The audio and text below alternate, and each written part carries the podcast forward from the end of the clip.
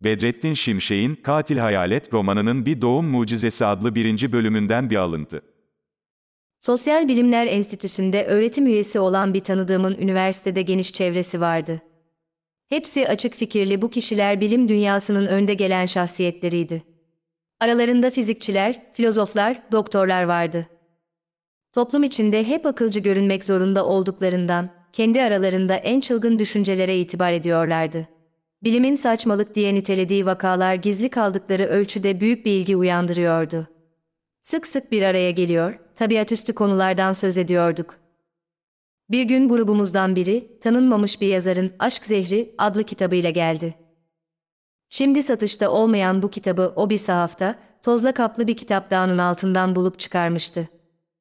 Kitabın Mucize Aygıt adını taşıyan ilk öyküsünde, ölümün son nefesimizi vermeden hemen önce, yanı başımızda bir ışık fotonu şeklinde belirdiği, sonra vücudumuza girip canımızı aldığından bahsediliyordu. Kimsenin ciddiye almayacağı bu iddia, aramızdan bazılarının dikkatini çekti. Ne var ki fizikçiler bu tezi ilgilenmeye değer bulmadı.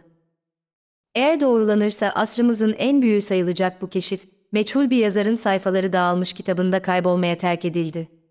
O zaman akademisyen dostum bana, dinin söz sahibi olduğu sahada bilim insanlarının fikir öne sürmekteki isteksizliklerine işaret etti. Ölüm, dinin tekelinde olan bir konuydu. O sırada bir felsefe doktoru da odadaydı. Çılgınca bakışları olan ve saçları başında rüzgarla havalanmış gibi duran filozof, düşüncesini şöyle ifade etti. Ruha göre bedene sahip olmak bir hastalıktır. Ruh bir bedene sahip olmayı arıza gibi görür.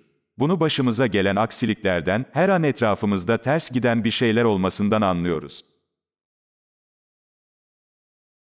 Aradan aylar geçti. Ama meçhul yazarın tezi aklımdan çıkmıyordu. Bir gün akademisyen dostumu ziyarete gittiğimde, onu ayakta bir grup öğretim üyesiyle tartışma halinde buldum. Anlaşmazlık yaratan konu, bir öğrencinin rektörlük onayına sunduğu yüksek lisans teziydi. Odada enstitü müdürü, tez danışmanı profesör, bir doçent ve yardımcı doçent vardı. Öğrenci savunma sınavından geçmiş ama başarılı olup olmadığı konusunda heyette mutabakat oluşmamıştı. Yaşanmış reenkarnasyon vakalarından derlenen tez memoratlar adını taşıyordu. Sosyal Bilimler Enstitüsü müdürü, her ne kadar bu deneyimler gerçekten yaşanmış olsa da çalışmayı bilim dışı buluyordu. Öğrenci danışmanı, tezin Amerikalı psikiyatri profesörü Stevenson'un reenkarnasyon ve biyoloji kitabının ışığında hazırlanmış olmasının bu iddiayı çürüttüğünü öne sürüyordu. Çünkü tez, reenkarnasyona dair biyolojik kanıtlar sunuyordu. Bunlar bir şekilde öldürülmüş, sonra yeniden doğmuş kişilerdi. Sadece geçmiş yaşamlarını hatırlamakla kalmıyor, hangi izlerle ölmüşlerse o izlerle tekrar doğuyorlardı. Nitekim Stevenson'un 1993 yılında bir dergide yazdığı makaleye tezde yer verilmişti. Bu yazıya konu olan Türk çocuk, sağ yüzünde doğuştan gelen izin, önceki hayatında silahla yakın mesafeden ateş edilerek vurulması sonucu oluştuğunu iddia ediyordu. Mermi kafatasının sağ kenarını delip geçerken beyne zarar vermiş, yaralı hastanede 6 gün yaşam mücadelesi verdikten sonra ölmüştü. Stevenson, vakanın doğum ve ölüm izlerinin çakıştığını gösteren hastane kayıtlarının bir nüshasını almıştı. Asıl şaşırtıcı olan, merminin kafaya giriş ve çıkış izlerinin hem ölen hem doğan kişide aynı yerde olmasıydı. Tez şu soruları akla getiriyordu. İki ayrı bedende hayat bulan ve aynı silahla vurulmuş gibi görünen varlık, tek kişi mi, iki ayrı kişi miydi? Yoksa tüm bunlar bir yanılsama mıydı? Zihnimizdeki takvime göre farklı zamanlarda gerçekleşmiş gibi görünen olay, zamanın hiç olmadığı bir sonsuzlukta aynı anda mı olup bitmişti? Tek kişi, bir elektronun aynı anda iki ayrı yerde bulunması gibi, iki ayrı kişi halinde mi karşımıza çıkıyordu? Bakışımız bizi yanıltıyor olabilir miydi? Stevenson'un 2005 yılında yayımlanmış makalesi tezde genişçe yer almaktaydı. Bu makaleye göre, A.D. Hatay'ın bir ilçesinde doğmuş ve iki yaşlarında konuşmaya başlamıştır. Önceki hayatında Salih Girişken adlı bir işçidir ve inşaat sırasında çöken bir binanın altında kalarak ölmüştür. Ne var ki, ölümüne neden olan beton yanından önce, bir moloz parçası üzerine düşerek A.D.'nin sol elini koparmıştır. Bu yüzden A.D., sol eli olmadan ve yarasından hala kan gelirken doğmuştur. Tezin bu gibi somut kanıtlar içeren vakalar sunması sorun değildi elbette. Çünkü reenkarnasyon, bize silahla vurularak öldürülenlerin bir mermi iziyle doğduklarını gösteren pek çok örnek sunmuştur. Ama silahla bacağından vurularak öldürülen birinin, bacağında bir mermiyle doğduğuna hiç tanık olunmamıştır. İşte heyette tartışma yaratan konu, tezdeki 14 numaralı vakaydı. İddiaya göre kaçakçılık yaparken tabancayla vurularak öldürülen bir adam tekrar doğduğunda, önceki yaşamında bacağına saplanmış kurşunu da yanında alıp getirir. Nitekim bebek doğduğunda bacağındaki yara kanamaktadır ve kurşun hala yerindedir. Bilinmeyen bir sebeple mermi çıkarılamaz, daha sonra çocuk geçmiş hayatını hatırlar, nasıl öldürüldüğünü uzun uzun anlatır. Enstitü müdürü, hiçbir kanıt sunmayan bu vakanın tezden çıkarılmasında ısrar ediyordu. Danışman ise detaylı bir çalışmadan yanaydı.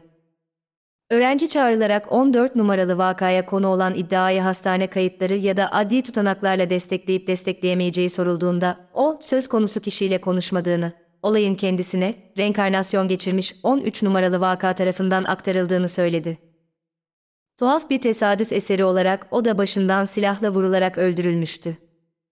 Sol şakağından girip başının arkasından çıkan merminin bıraktığı izler, bugün bile rahatça görülebilirdi. Kurşunun giriş yeri, doğum anında bir parmağın girebileceği deliği andırıyordu. Vaka, önceki hayatından kişileri, örneğin karısını ve çocuklarını sık sık rüyasında görüp tanıdığını ama isimlerini hatırlayamadığını söylüyordu. Onlara özlem duyuyor ama nerede olduklarını bilemiyordu. Geceleri rüyasından hep ağlayarak uyanıyordu. 14 numaralı vakayla Arabistan'da aynı montaj tesisinde çalışırlarken tanışmışlardı. Şehirden uzakta çölün ortasındaki ıssızlıkta, geceleri birbirlerine anlatacak çok şeyleri olmuştu. Sadece geçmiş yaşamlarını değil, öldükleri an yaşadıklarını, hatta sonrasını da hatırlıyorlardı. Ölümün üzerindeki esrar örtüsü onlar için kalkmış ama hayatın sırrı aydınlanmadan kalmıştı.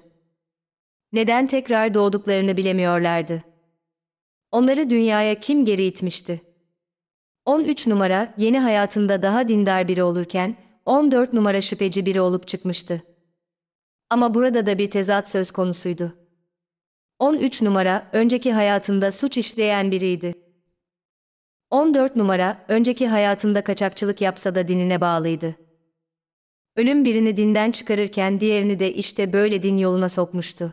13 numara ruhun varlığına inanıyordu. 14 numara ölüp dirilse de bir ruhun olmadığını öne sürüyordu.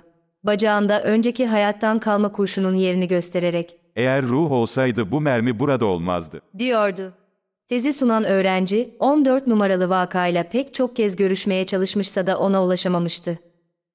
O sırada kardeşlerinin yönettiği bir şirkette çalışıyor, ailesi onun kimseyle görüşmesine izin vermiyordu. Bunun sebebi vakanın dine karşı şüpheci tavrı olabilir miydi?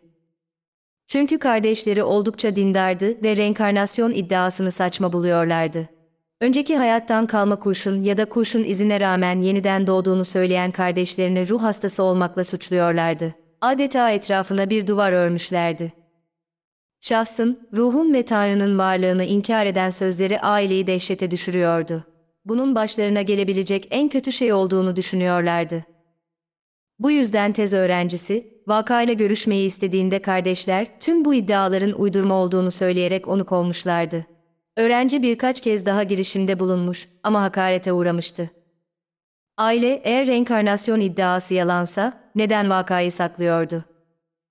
Neden kimseyi onunla görüştürmüyorlardı? Eğer kurşun olayı bir uydurmaysa bunu açıklamayı şahısa bırakarak görüşmeye gelenleri başlarından savabilirlerdi. Konu oldukça merak uyandırıcıydı. Uzun tartışmalardan sonra değerlendirme heyeti bir doğum uzmanının görüşünü almaya karar verdi. Tez dosyası, üniversite hastanesinden bir profesörün dikkatine sunuldu. Uzman, görüşlerini açıklarken, meraklı biri olarak benim de bulunabileceğim söylendi.